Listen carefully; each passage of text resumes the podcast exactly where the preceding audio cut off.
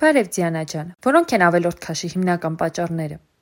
Ավելորդ քաշի հիմնական, այսինքն միակ պատճառը դա ավել կալորիաներն է։ Դա նշանակում է, որ մարդը ուտում է չափից շատ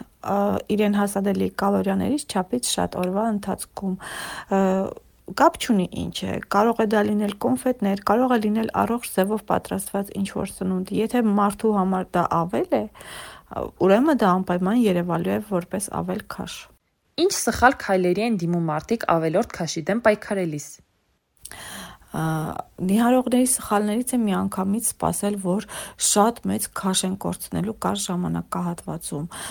10-ից 20 կիլոգրամից դիմում են, ասում են կարող եմ կորցնել 1 ամսում։ Ոչ, դա անհնար է, դա չի համարվում առողջ ճարպայրում, եթե դու կորցնես 10-ից 20 կիլոգրամ։ Դու այդ կիլոգրամները չես հավաքել 1 ամսում, դա երկար տարիների կենսակերպի արդյունք է։ Ա, Իսկ դրանից բխող երկրորդ սխալը, որ դիմել էքստրեմալ մեթոդներին նիհարելու, խափնվել գովազդներին, որ մեկ շաբաթում կկորցնես 7 կիլոգրամ։ Պետք է այստեղ հասկանաք, թե ինչի հաշվին եք դուք կորցնում այդ 7 կիլոգրամը մեկ շաբաթում մկանի մկանի եւ ջրի հաշվին դա մեզ պետք չէ մեզ պետք է գեղեցիկ ձիգ մարմին առանց մաշկի կախվելու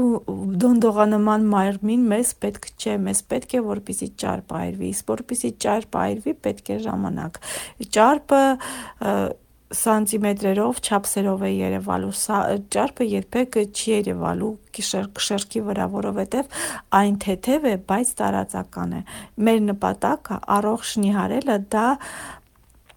առողջ ճարպայրումն է, ոչ թե էքստրեմալ մեթոդներով, ինչ ինչ պատ ինչպես պատայի կորցնել քաշը եւ քշերքով ուրախանալը։ Ինչ սննդային վարքագծի խախտումներ եք արձանագրել ամենից շատ։ Սննդային վարքագծի շեղումներ, ասեմ ձեզ, ունենք բոլորս։ Այդ թվում նաև ես, չկա այնպիսի մարդ, որ որ չունենա նման խնդիր։ Ուղղակի մեկի մոտ վառ արտահայտված է, մյուսի մոտ քիչ արտահայտված է, կարողանում է ինքն իրեն շտկել, շատ դեպք է, իսկ որոշ խորացած դեպքերում պետք է նաև հոգեբանի օգնությունը։ Ամենաշատ տարածվածը դա մեր մեջ արմատացած է, որ ուտելիքը չթափել ափսոս է եւ այդ պիսով էլ մեր կանայք երեխան եթե չի ուտում ափսոսում են թափել ուտում են սեղանը հավաքում են մի բան ուտում են այդ դա է ամենաշատը դա է տարածված Որ տարիքային խումբն է ավելի շատ դիմում քաշի նվազեցման խնդրով Հիմնականում դիմում են 25-ից 45 տարեկան կանայք, սակայն վերջերս շատ ուրախալի է, որ սկսել են ավելի մեծ տարիքի կանայք հետաքրքրվել, սիրել իրենց, զբաղվել առողջությամբ եւ շտկել սննդակարգը։ Դիմում են ոչ միայն կանայք, նաեւ տղամարդիկ, նաեւ երեխաների համար են մայրիկները մտահոգված եւ շտկում են երեխաների սննդակարգը։ Ինչ սպասել ու ինչ ակնկալել սննդաբանին դիմելուց։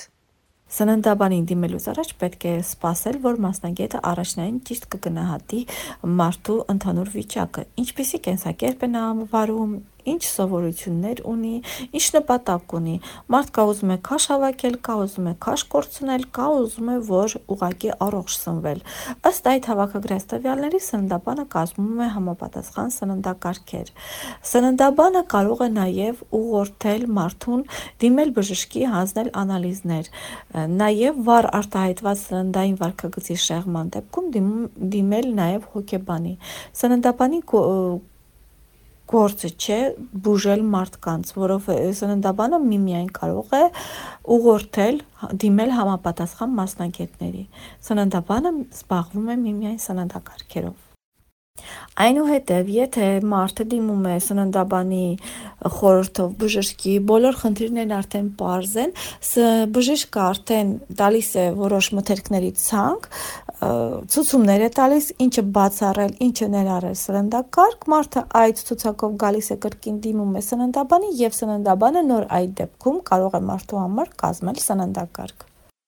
Շնորհակալություն Ձիանա ջան բովանդակ հարցազրույցի համար։ Իսկ ես հիշեցնեմ, որ մեր հյուրն էր սննդաբան Ձիանա Մինասյանը, ում հետ քննարկեցինք ավելորդ քաշի առաջացման պատճառները, թե ինչ պետք է անել խնդրի դեմ պայքարելիս եւ թե ինչ սխալ քայլերի ենք դիմում։ Մի եղեք թեր ինֆորմացված, գործեք գրագետ եւ եղեք առողջ։